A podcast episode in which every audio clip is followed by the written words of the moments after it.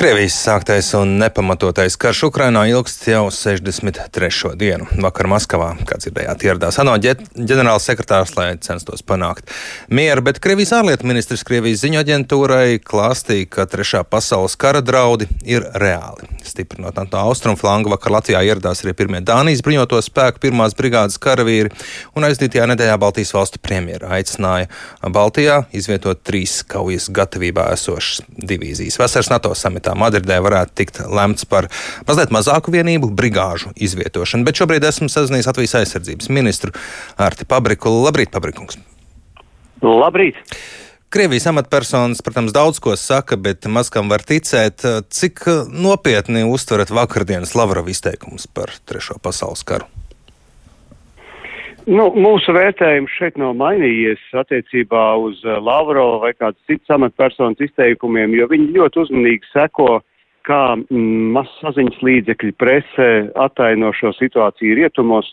Un, protams, ja mēs zinām, ka arī Vācijas kanclers Šalts pirms kādu laiku bija izteicies aizbildinoties, ka viens no iemesliem, kāpēc viņš nevar sūtīt smagos ieročus uz Ukraini, tas, ka viņš rūpējās, lai neizceltos karš. Līdz ar to šādi Lavrov izteikumi ir lielā mērā saistīti vienkārši ar vēlmi sašķelt rietumus un mazināt uh, arī rietumu palīdzību Ukrainai, kas pašlaik ar katru stundu un dienu uh, savos apjomos pieaug. Eh, jebkurā gadījumā eh, visa atbildība par jebkāda veida eskalāciju un kardarbību, jebkurā gadījumā gulstās uz Krievijas pusi, un rietumu uzdevums eh, šajā gadījumā ir vienkārši atcerēties situāciju, kāda bija augstajā karā, kad uh, bieži bija daudz lielāka iespējams spriedze, bet tad uh, signāli no rietumu puses bija Krievijai vai Padomju Savienībai tajā laikā ļoti skaidri. Ja jūs domājat šeit mētāties ar ieročiem vai draudēt ar raķetēm, jūs to pašu dabūsiet atpakaļ. Pašlaik tādai pašai atbildē arī būtu jābūt no rietumu puses. Un Tas arī ir viss. Jūs jau pieminējāt Vāciju. Kā īsti ir ar Vāciju? Te viņi ir gatavi ko palīdzēt Ukrainai. Te atkal ne mēs uz Vāciju kā NATO valsti varam paļauties, ka tā nesvārstoties palīdzēs, ja Latvijai vajadzēs. Nu, Vācijas politikā pašlaik tāds, ja drīkst tā salīdzināt, tāds ļoti izteikts uh, dzemdību sāpes, uh, mainot uh, savu politiku. Un, uh, manuprāt, uh, tas būtu tikai loģiski uh, arī no mums kā partneriem tādai valstī kā Vācijai uzdot jautājums, ka, nu, ja jūs uh, netiekat ar saviem uzdevumiem galā uh, palīdzot Ukrainai, tad uh, cik uh, spējīgi jūs būsiet to darīt, kad uh, jūsiem tiešiem alianses draugiem vajadzēs šo te palīdzību. Jo nav jau tikai jautājums par kaut, kādu, kaut kādām spējām, kas Vācija arī ilgu laiku nav bijušas attīstītas, bet tas ir jautājums par apņemšanos un saulēcīgu apņemšanos. Eh, līdz ar to es domāju, ka arī Vācijas opozīcija, politiskā opozīcija tieši šādus jautājumus arī uzdod, uzdod pašreizējai valdībai. Jums ir atbildi uz šiem jautājumiem? Es domāju, ka uh, mums Latvijas politika ir jābūt balstīta, uh, jebkurā gadījumā stabili stāvot uz divām kājām. Viens ir mums pašiem ir maksimāli jāattīst visas savas spējas, uh, vienkārši, nu, it kā iedomājoties, ka mēs neesam NATO organizācijā. Un otrs ir šī NATO organizācija, kur mēs zinām savus sabiedrotos, mēs zinām arī piemēru no virknes valstu, arī 24. februārī, kā Amerikas Savienotās valstis, kas četru stundu laikā atsūtīja savu lidmašīnu. Mēs zinām, ka mēs varam paļauties saviem kaimiņiem.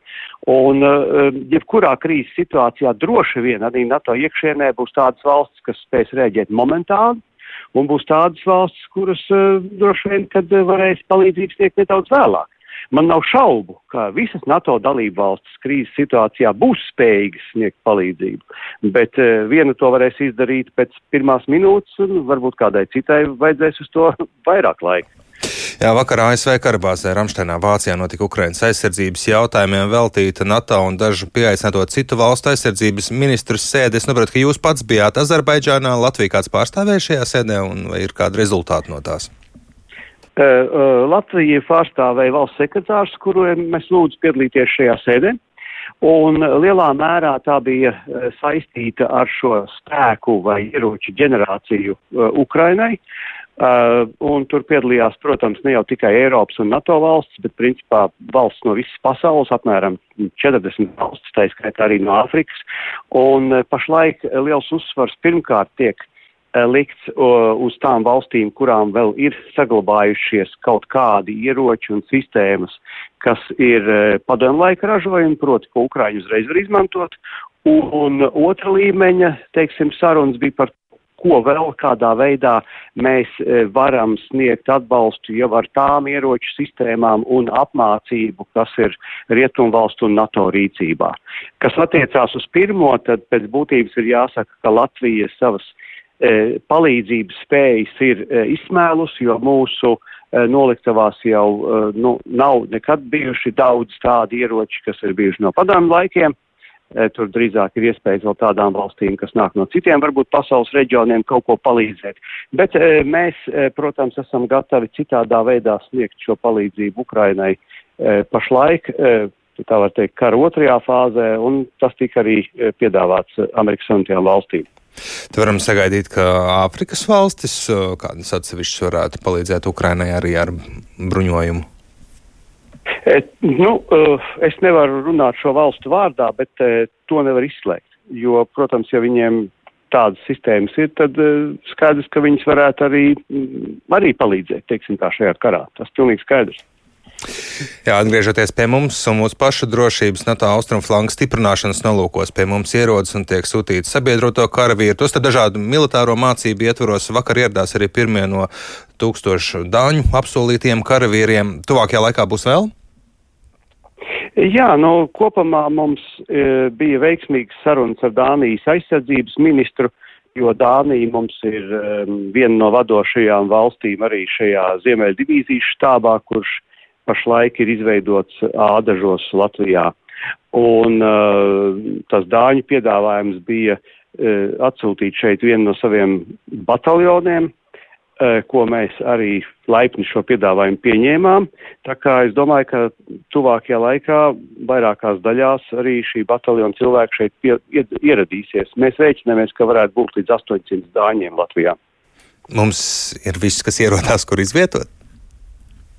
Nu, mums vairs nav uh, tik grūta situācija, kā tas bija 14. gadā, kā jūs atceraties, gan kanādieši, gan pāri ieradās un dzīvoja teltīs, un tas, tas ir normāli, jo mums jau nav nekādas padomju laika telts. Nu, šis, uh, šis nodrošinājums ir gan labs NATO valstīm, gan ziemā, gan vasarā, bet, protams, ka mēs rēķinamies, ka nākotnē vispār varētu pieaugt sabiedroto karaspēku klātbūtni. Mēs ceram pēc NATO samita tātad e, šo te IFP grupu, kas ir tādā bataljonu līmenī, pacelt līdz brigādes līmenim, līdz skaitam, un kas nozīmē, ka mums, protams, ir jālūkojas un pastāvīgi arī e, jānodarbojas ar infrastruktūras palielināšanu un uzlabošanu, jo Eh, lai arī karavīri var uzturēties eh, kādu laiku teltīs vai, vai teiksim, meitnīcās, kas ir pagaidu novietnes. Nu, normāli apstākļi, protams, prasīt, lai viņiem būtu arī augstas kvalitātes kazarmas pieejams. Jā, es tev izteicies, ka ministrijā esat sākuši domāt par vēl vienu militāro bāzi. Kur tā varētu būt? Es negribētu pašlaik nosaukt konkrētu vietu, jo mēs izskatām vairākas e, vienlaikus.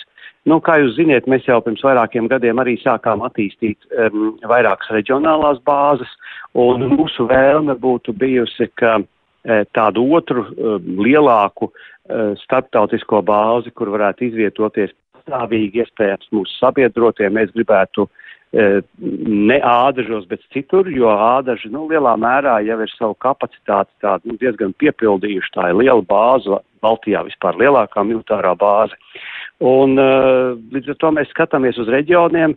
Mums ir padomā kādas trīs vietas, uh, bet uh, kamēr lēmums nav pieņemts, es negribētu par to precīzāk runāt, bet jebkurā gadījumā mēs skatāmies arī uz to, lai šeit būtu kaut kāda attīstība reģioniem, jo ja mēs paplašināsimies kādā no Latvijas reģioniem, tas dos droši vien arī papildus darba vietas un iespēju vietējiem iedzīvotājiem arī šeit iesaistīties kaut kādā e, uzņēmē darbībā, piegādēs un citās lietās. Latgales reģions. Tas, tas būs arī.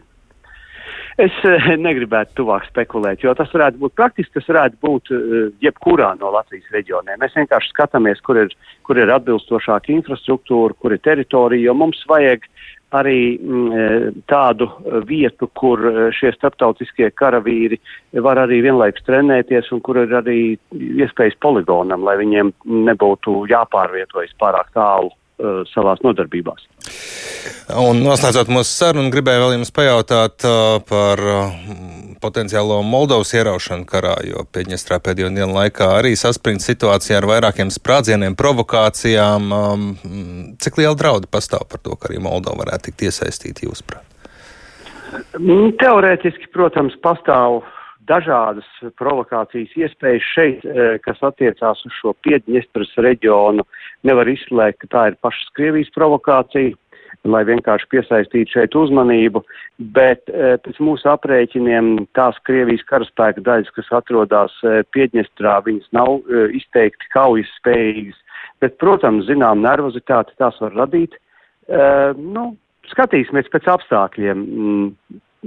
Pašlaik ir grūti e, izspriest, cik lielā mērā e, šī provokācija varētu tālāk e, pārvērsties jau par kaut kādiem konfliktu draudiem Moldovas virzienā vai arī Ukrainas virzienā tieši no Piedņestras puses. Paldies jums par sarunu. Šorīt Latvijas aizsardzības ministrs Sārts Pabriks ar mums sarunājās.